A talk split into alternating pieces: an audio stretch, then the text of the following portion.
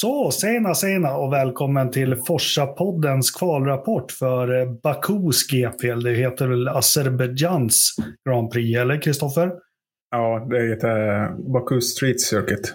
Just det. Azerbajdzjans Grand Prix. Så är det. Ja, hur står det till med dig i värmen? Ja, jag sitter här och svettas. Det är inte den bästa tiden att sitta hemma och kolla tv, så vi tänkte väl gå ganska snabbt igenom bara vad som hände i det och vad vi sett hittills. Precis, men du har haft en bra dag? Jo då. Det... Ja. Själv då? Ja, nej, jo, det var kanondag. eh, började värma upp lite smått. Jag har varit och kört ett race här, go-kart. Och ja, men jag körde in en andra plats där och eh, fick gå, upp på kallen och pallen och, och, skrika “That's it” och peka på stallet och sådär. Nej, men jag kom tvåa faktiskt. Jag, jag har ett litet problem här med vikten. Jag har ju något kilo för mycket, men annars jag körde bra idag tycker jag. Så Nej, jag är het inför Forza-racet som vi ska påminna om. Hur anmäler man sig till det? Ja, det finns en länk i avsnittsinformationen. Och vi har ju faktiskt fått uh, det är fyra stall redan som anmält sig. Så det är mm. jättekul. Mm. Lite uh, Aboll Big Apex Racing, LTD. Sen är det Silver Shoe Racing. Och sen är det Hass, eller hur man ska uttala det. Det är Hass, Gene Hass, ja. som kommer med ett stall. Ja, vad kul. Ja, och sen men... eh, Cruise Bruce Trabant Racing. Det är... Själv då, har du anmält dig? Uh, jo, jag är på väg. Ja. Så ja, jag ska också åka och träna lite faktiskt. Ja. Nej, men som sagt, eh, jag ser fram jättemycket mot det och dels träffa en massa Forsa-poddare och Forsa Motorsport Facebook-medlemmar och sånt. Så in och anmäl er. Mm. länk i beskrivningen. Eh, vi ska väl inte bli för långrandiga med det, utan vi går väl direkt in på kvalet. Och Ja, vi fick väl ett kval lite idag som det, som det har sett ut senaste tiden eller över säsongen. Det börjar sätta sig som det så fint heter, men kanske om vi ska börja Q3 eh, då, den största överraskningen är att Hasbilarna verkar ha tappat lite tempo och fart, eller vad säger vi om det? Ja, de har ju ett ganska smalt fönster som de har att jobba med i Haas, känns det som. att eh, Väldigt banspecifikt deras prestande. Man trodde ju att de skulle gynnas av en sån här bana där det är mera långsamma kurvor. För det är ju där Ferrari Motorn hade sin lilla spets. Såg vi i början av säsongen, men uh, ja, de blev väl uppgivna på rakorna istället. Då. Och samtidigt så har vi ihop med dem då Alfa Romeo och då främst Valtteri Bottas också hade det tungt. Vad, vad kan ha hänt där? Alltså, jag vet inte om du såg någonting, men de... Uh, jag satt ju och kollade på Bottas-cam och alla andra gick ut i Q2 medan både Alfa Romeo satt och väntade väldigt länge. Och eh, de ville väl spara ett extra däck till racet, eller vad jag tror i alla fall. Men eh, sen satte han in ett varv och, som inte alls var bra. Men eh, sen på sista försöket så hände någonting med någon gul flagg, tyckte jag han sa i eftersnacket, som gjorde att de inte kunde förbättra, varken han eller så. Men de var ju inte alls nära heller att gå till Q3. Nej. Eller vad tycker du? Nej, verkligen inte. Det var ju det var verkligen inte nära. Men jag tycker det är ändå lite trost, eh, trist. Bottas har blivit någon slags eh, antihjälte, eller vad man ska säga för mig. Så, eh, men Williams är väl inte så där överraskande att de åker ut. Men det går ju lite rykten om här att eh, Latifis vara eller icke vara. Och lämnar över till journalisterna av oss två. Kristoffer, vad, vad har du grävt fram? Jag snappade upp här i australiensk media som säger att eh, Oscar Piastri ska in i Williams lagom till Storbritanniens GP. Att eh, Latifi får tacka för sig redan i samband med Kanadas GP. Och sen är det Jack Dohans son. Nej, nu blandade jag. Mick Dohan, Jack Dohan. Mick, ja. ja. ja, exakt. Så han ska få köra någon FB1 där för de har ju den här regeln att en, eh, att en junior måste delta i minst två FB1 under säsongens gång. Ja, jag vet ju inte i de tiderna som är nu, det vi kanske ska diskutera det lite, det här med budgettaket och spränga det.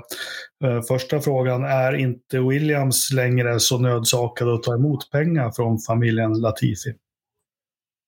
Ja, det är ju det de vill säga själva att de vill föra som står på egna ben och inte ha de här pengar, pengastinna förarna, eller vad ska vi kalla dem, paydrivers, som men alla är ju paydrivers på något sätt. Men uh, ja, vi kan ta det i en längre podd. Men uh, ja, kanske Williams vill ha en... Uh, kanske de tycker att Latifi saknar den här extra spetsen som de vill ha. Jo, men det gör han ju. Det är, det är en eh, otroligt trevlig och sympatisk kille och sånt. Men eh, den här edgen har han ju inte riktigt. Och det är väl absolut inte William som vill börja klättra uppåt. Det är absolut inte kanske den typen av förare de behöver just eh, nu, om de nu har finansieringen i hamn. Men jag tänkte på budgettaket, vi ska inte ta det i en kvalpodd, utan jag noterar det inför måndagens podd, att vi pratar lite om det. Eh, mm. Vi hade Q3 sen också. Ja, eh, McLaren, att, eh, eller Q2. Att Ricciardo åker ut i Q2, det är ju ingen nyhet. Men vad hände med, med den gode Norris då? Ja du, han... Det var ju någon incident där med... Var det Hamilton som inte ville... Det var i alla fall en Mercedes. Jag tror det var Hamilton som... Han backade upp rejält. Men Norris ville ligga bakom för att få en tow. Så det mm, blev lite spel där. Norris kunde köra förbi, men han tyckte att han behövde ta för att eh, ta sig om då Hamilton. I, så ja, det var det han gick bet på. Sen så gjorde han en miss i sista sektorn och gick in direkt i depån i slutändan. Men eh, jag kände under kvalets gång, det blev mycket eh, spel när det är så tajt i mittfältet. Märkte du det redan i Ja, I slutet av Q1 redan också var det ju samma sak. När eh, det var 2.30 kvar efter den där sista rödflaggen. Och det var inte med mycket alla hann över mållinjen och göra ett snabbt försök. Nej, nu ska vi inte dra någon liknelse, men jag måste bara säga, för det jag körde karttävling idag var ju ett lite Formel 1-format då, mini-mini, men med ett kval först. Och kör jag lite hyrkartor som jäklar vad frustrerande det är när man är ute på, på ett kvalvarv och så hamnar man bakom någon backmarker eller någonting när det är två kurvor kvar. Nej men alltså, det, det, det, är inte enkelt. Jag satt och tänkte på det bakom ratten. Nu fick jag till ett, ett, ett bra varv och starta faktiskt tvåa på griden ska vi säga. Men eh, ja. eh, frustrerande i alla fall. Men Eh, Norris elfte platsen har vi Ricciardo, ja, två tiondelar efter och nu fick ju inte Lando på kanske sitt bästa varv då, så, och, eh, så formsvackan fortsätter väl för Ricciardo får man väl, eh, det kan man väl ändå säga. Ja, det, men han var i alla fall nära bara två tiondelar bakom Norris. Ja. Situationstecken, man vet ju aldrig det här är inte en rättvis bana att kvala på, ty kvala på tycker jag. Det är så många externa faktorer som påverkar resultatet. Och just med Tau, och det är kanske inte den mest eh, skicklighetsfyllda banan att göra ett kvalvar på. Mm. Eller, vad tycker du? Nej, jag håller inte med nu. Uh, ja, ska inte säga, kört otroligt mycket simulator här senaste veckan också. Att, eh, jag kan säga så här att alla banor är svåra. Eh, ja. eh, den här är ju otroligt svår. Sen är det jättesvårt att, att, att säga vart man kan vinna och förlora tid. Och, och Alltså Suzuka är jättesvår med SN där, men liksom att köra, köra där i Baku, andra sektorn, är, det är inte så där superenkelt heller. Men jag vet inte. Vi glömde att säga det. Lance Stroll gjorde ju bort sig igen och gud vad jag är trött att se honom sitta och ta upp ett säte nu. Jag måste bara säga det. Det slog mig idag. 19 plats in i muren. Det är väl inte alls de ambitionerna som pappa Stroll eller Aston Martin eller någon i det stallet har. Nej, och det var ganska bra där i eftersnacket. Björn Wirdheim så ställde i frågan ganska öppet att om man kunde skylla på någon, men han bet sig i tungan och sa att det var nog hans egna fel, för det var ju ingen annan runt honom när han gjorde den där incidenten. Nej. Om vi tittar på den andra bilen då, Vettel som kom in i Q3 och kvalade bra. Han hade ju Jag vet inte om det blev bekräftat att han hade ett break by, by wire-problem där han gick in i, i däcken eller? Mm, jag hörde inte det i alla fall. Och... Jag såg det blinkade på hans ratt i samband med att han körde in där, att det var BBB, failure eller något sånt. Mm. Ja, då kunde de ha varit det. Ja, vi får se. Eh, Q2, Esteban Ocon åker ut. Eh, Alpin vid Alonso på tionde plats. Jag börjar bli väldigt trött på det teamet också. Alltid ser ofta lovande ut på fredagar faktiskt, men de, de kommer inga och vi får väl djupanalysera det mer på måndag. Men återigen, de, de kommer ju faktiskt ingen vart. De gör ju inte det. Nej, det är faktiskt så. Nu, eh, det känns som att både du nämnde Alonso och Vettel där, det var liksom erfarenheten som gjorde att ja. de fick uh, möjligheten att köra. Ja. Kolla in i topp 10. Men uh, Alonso fick ju mycket gnäll under den här Q1 igen nu när det blev det här tåget. Ja. Så han, han släppte väl bilen ganska mycket med flit i kurvorna för att sabba för dem bakom. Men, men varför gnälla? Tror du han bryr sig det minsta? Nej, Nej. men uh, ja.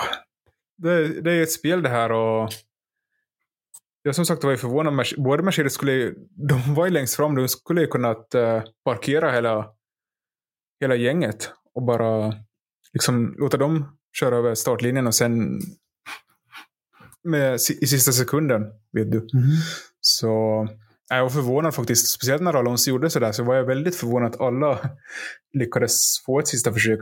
Ja, Nej, du har rätt. Han, han tjänar väl inte så mycket på det själv. Men i Q3 så har vi i alla fall eh, noterbart kul att eh, Alfa Tauri verkar, i alla fall till den här helgen, ha fått fart på bilarna.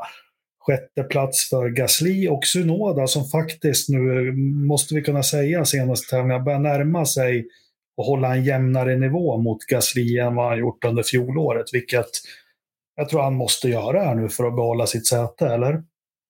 Ja, jag hörde en ganska bra intervju med Horner igår och han sa väl det att eh, ja, Gasly har ju ett år till i Alfa Tauri, eller Red Bull. De är, de är inte kontrakterade till något stall utan till Red Bull. Men eh, Sunoda ja, liksom börjat hitta formen där nu, men han var inte alls aktuell att ta upp till moderstallet ännu. Men, eh, och sen juniorerna i F2 har fått lite erfarenhet.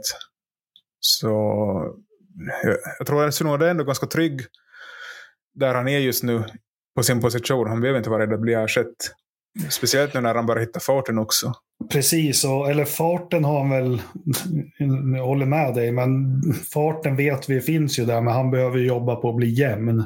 Och för att bli ja. jämn så måste man ju köra mycket och kanske känna att man har förtroende att få bli jämn också. Så, så kul med dem där. Vi har Fettel och Alonso som kvalar ut sina kvalkamrater 9 av 10. Sen en men lite överraskande ändå för Mercedes. Ja, men de hoppar och studsar igen och uh, att Russell slår, slår uh, Hamilton är vi också ganska vana vid. Uh, eh, 42-7 gick han in på och två tiondelar bakom av Hamilton. Men hade du förväntat dig efter FP1, 2 och 3 att Mercedes skulle vara topp 7 med båda bilarna?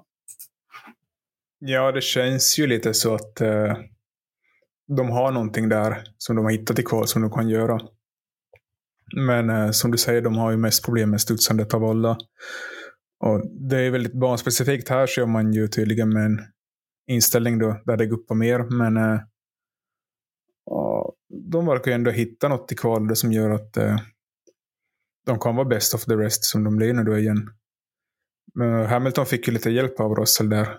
Ja, jo precis. För att komma in i Q3 var det väl. Men, Men nu börjar det komma det här som jag tycker är lite dålig förlorare. För att nu, nu hoppar ju deras bil värst av alla och de verkar svårast att komma överens med. Att, eh, Ferrarin hoppar ju mycket också, men den verkar inte påverka lika mycket. Men nu har Russell gått ut och sagt att snart kommer det bli en major incident på grund av det här hoppandet. Men, ja, men kör långsammare och lös problemet då. Eller höj bilen. Uh, vad tycker du? Ja, du har ju rätt där. Man kan ju inte... Om andra kan fixa problemet, typ McLaren, de har ju minst guppande av alla. Så ja, mm, liksom, det är väl upp till stallen att lösa det. Så det inte blir några säkerhetsrisker. Eller? Mm. Nej, nej, men jag håller med helt och hållet. Vi har det reglementet vi har och vi har många bilar som inte hoppar. Sen i och med det reglementet vi har så, så ja, eh, blir det väl mer naturligt för bilarna att börja hoppa. Men jag, tycker, ja, men jag gillar inte sådana där kommentarer att nu ska man gå ut och säga att snart kan det bli en stor olycka på grund av det här. Eh, det finns tusen andra saker som, som kan eh, vara anledning till en stor olycka som har med reglementet och bilarna att göra. Men lös problemet istället. Ja, Russell tar väl bara för sin egen sak och vill påverka lite. Eftersom de har problem med det. Mm. mm. Det är väl alltid så i den här sporten. Alla jobbar för sitt eget bästa både på banan och i och, intervjuerna. Och i journalistkåren, eller? ja, exakt. ja. ja, det, kommer, det kommer någon, du vet, någon 500 spänn där under disken ibland. ja, det är bra det. Uh, uh, vänta, nu ska vi se här. Där hann vi på det. Nej, men sen har vi topp fyra då, och uh, jag vet inte. Vi ska väl inte superanalysera det, men jag känner även att det börjar bli en trend här nu. Nu läste jag någonstans en tweet att nu är det FP1, 2, 3, kval och race. Slog mm. Perez eh, Verstappen. FP1, 2, 3, kval i Baku. Ehm, jag läste i veckan också en artikel att den här, det här nya reglementet och det grunduppförandet bilarna har eh, gynnar en andra förare. För alla vet att Red Bull sen Albon började köra där och sen har vi haft Gasly som har provat och vi hade press förra året. Att ingen har ju klarat av den här lite oroliga bakänden. som, som eh, den har varit väldigt stark i fram och Verstappen har ju klarat det galant. Nu är ju tydligen bilarna lite mer av naturen tvärtom, vilket eh, den artikeln jag läste verkar inte passa Verstappen så bra, men passa, ja, skulle passat Albon och Gasly, men nu passar Perez bättre. Har du, har du några sådana uppslag? Ja, jag har hört samma sak. Just att Perez hade lite tur att den här bilen som de har i år, eller reglerna, kombinationen av reglerna och deras designkoncept passar honom bättre än fjolårsbilen. Och det är ju därför vi börjar se resultat av det nu också. Speciellt på stadsbanor så verkar Peres körstil i kombination med bilen de har passa bättre än för Verstappen helt enkelt. Men sen när vi kommer till en inom citat vanlig bana så tror jag Verstappen igen kommer vara före Peres. Det är i alla fall min känsla. Ja, men jag tror inte Verstappen tar lätt på att få så här mycket stryk. För det han är inte van vid. Nej, det är sant. Och det blir intressant imorgon också. Uh, hur kommer Red Bull göra? liksom kommer de släppa om Verstappen direkt eller ska man liksom spela med Perez för att nu har man ju två bilar och ena kan göra en overcut och den andra en undercut eller mot Leclerc. Och... Så det är ju det som är så spännande var det loppet. Fast vi har det här vi har ju en sekund mellan fyran och femman och det är ju väldigt sorgligt att se tycker jag. I ett kval. Att eh, två start ska vara en sekund snabbare än resten när det faktiskt gäller. Men eh, och så var det väl inte tänkt med nya reglementet. Det, var ju tajtare förra året. ja, exakt. Får vi hoppas budgettaket kommer att fixa det där. För det är de här fyra stora stallen som börjar säga att pengarna är slut. Mm. Men det är väl att sluta spendera då. De som har lite mindre pengar får spendera färdigt så borde det ju där justera sig själv också. Eller vad tror du? Jo, jag håller med. Sen är det väl... Ja, men jag tänker vi fördjupar oss det på måndag. Jag har mycket åsikter om det här med budgettak. Jag tycker det, men, du får väl spendera, du får säga upp. Du får väl göra som jag gör när jag får dåligt, dåligt cashflow här hemma. Då, är liksom, ja, men då kan man inte ha oxfilé. Då får det vara blodpudd. Ja, men det, jag tycker inte det är konstigheter. Och, liksom, ja, via playkontot ryker och... Ja, precis. Och, och ni som lyssnar på Frank Durney, om ni vet vem det är. Eh, det är en av som jag håller högt. Han var ju med i Beyond the Grid eller något sånt där, vad det heter.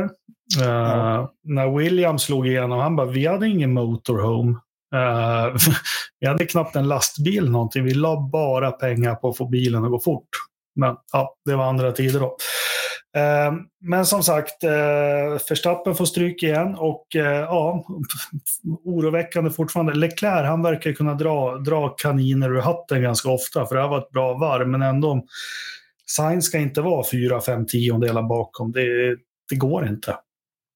Nej, det får vi bekräftat varje helg känns det som att han, bilen är för pointy för hans smak och Leclerc är det är lite som att bara balansera en kniv på fingret och Leclerc lyckas med det bättre än Sainz just nu. Och mm. de verkar inte vilja jobba för att Sainz ska få den här heller. Utan det är ju det är bara en fördel för Ferrari att det är så här. Eller visst, de vill ju ha Sainz att starta andra plats men äh, det är lättare om det faller sig naturligt att ena föraren äh, automatiskt alltid är lite bättre än att du har två förare som är lika bra som Red Bull kanske fast det är bara Formel 1 som gammal ishockeycoach. Så, så det, är, det är inte så här jätteskönt, men man gillar ju angenäma problem. Du har två målvakter som är exakt lika bra. Vem ska du välja? Vem ska stå matchen? Alltså, jag väljer det sju dagar i veckan hellre än att äh, men en är lite sämre. För någon gång kommer du behöva den där andra. Uh, men Ferrari, Ferrari har en historia, precis som du säger, där man, där man vill att det här ska falla sig lite naturligt. Då. Eh, så är det. Men Sainz behöver rycka upp sig, för, för Leclerc kommer ju, han kommer ju behöva honom. Mm. Uh, han kommer ju behöva honom. Men i alla fall, snyggt kört av Leclerc och uh, ja, två Red Bull-bilar. Vad tror vi om första varvet i, imorgon då? Du var inne lite på, kommer Red Bull släppa förbi tvinga press att släppa förbi, eller hur tror vi? Ja, det, det är ju alltid svårt att säga, men uh, man kan ju känna mycket i starten här. Det är ju de loppen som har varit nu i Baku så har ju varit liksom starten avgörande. Sen så blir det lite eh, tågkörning, tills depåstoppen kommer och sen, eh, sen så sitter man och väntar på en safety car. Och då börjar liksom kalaset. Det är liksom mm. förrätten. För ja. då, är det, då vet du, det är den här jättelånga rakan. Så alla får lite tå de kommer upp jämsides och sen har vi en jättesnev första kurva. Precis samma hände i dagens sprintlopp i F2. Att, uh, mm. Den här ena Dorovala som startade först, han ledde liksom loppet helt i, i lugn och ro. Han som var bakom så hade lite problem med däcken så fick upp en lucka. Och halva loppet liksom gick ut på det där att eh, en som följde lite så bytte lite positioner, men det var ganska statiskt. Sen så kommer första Safety Car och så får han, fixar han första omstarten. Men så blir det ju såklart lite någon som krockar längre bak i fältet. Kommer en ny Safety Car. Och så fixar han starten igen. Så kommer ännu en safety car för det blir någon som krockar där bak. Och så liksom håller det på sådär. Så... Det blir Indycar av allting. Nej, men vi, ja. vi hoppas vi... Eh, sen brukar det alltid bli safety car här i Azerbajdzjan. Vi hoppas att vi får ett, eh, alltså ett bra flow i racet på något vis. Ja, jag tyckte att det blev lite väl hackigt. Eh... Det är ju det också som brukar hända på F1-loppen just när den här första safety car kommer. Så ja, det tar liksom aldrig slut på problemen. För alla ser ju sin lilla chans då att ta en position. Och, och grejen också i Azerbajdzjan, du kan inte försvinna. Så om, om du har en motståndare som dyker på insidan och, och slår i väggen, så du är ju bara passagerare. Du, du kan ju inte köra runt honom. Så du, du, ditt eget lopp kan bli sabbat för att någon annan kör en liten kamikaze-dykning. Mm, så är det. Sen eh, kan man tycka vad man vill om banan, men sektor 3 bjuder ju faktiskt upp till ganska mycket underhållning med den här långa, breda rakan och satsningar. Det kan bli ganska roliga Safety Car-starter om vi nu får mycket Safety Car och så. Men ja, som sagt, mm. Eh, vi får se imorgon. Har, vi, har du en topp tre då, vad du tror är? Ja. Uh det känns som det, det är dags för Leclerc att få den här... Han kan inte... Liksom tre lopp i rad kan inte gå dåligt för honom känns det som. Utan han kommer ta det imorgon på något sätt. Och eh, Verstappen kommer andra. Och Perez kommer trea. Och sticka ut Lövströms haka. så säga att Perez vinner och Leclerc kommer Uh, nej, Sainz kommer tvåa. Jag tror för första gången får vi se Leclerc och uh, Verstappen gå ihop imorgon. och bryta. Ja, imorgon redan. Ja, jag tror redan. Ja. Ja. Vi får se. Glöm inte som jag gjorde att loppet startar 13.00. Min son fyller år och vi har bjudit släkten på kalas mellan 13 och 15 så att jag och sonen skulle kunna se Formel 1 som börjar klockan 15. Men tji fick jag. ja, det är jättemärkliga tv-tider nu för tiden. Det är inget... Ja. 13.55 ska sändningen börja på söndagar. Som det alltid ja. har gjort, så ska det vara. Ja. Får inte heller glömma eh, Magnus eh, Berglund sitter på Lemans och käkar pizza. Hej på dig. Skalberg skriver Team Top Gun. Eh, Mattias här har någon, ja det är dina kompisar, Österbottnisk bastuklubb. Ja. Det, ja, det låter ju som något man kanske inte vill vara med i, men det får ni hålla för. Och, och eh, Annika sitter i Orsa och dricker bubbel. Eh, stort tack till er och hoppas ni har haft en trevlig lördag. Ja. Eh, Orsa låter trevligt. Yes.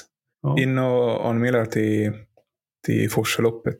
Absolut, och eh, njut av loppet imorgon. Eh, ni som vill ha på gokartbanan idag hade jag min Verstappen-tröja som går att köpa hos Podstore. Som eh, var många som frågade efter vad den gick att få tag i och vad som menades med den. Så får se om det dyker in några beställningar. Men Podstore kan du köpa muggar, t-shirtar och eh, tröjor med diverse motiv.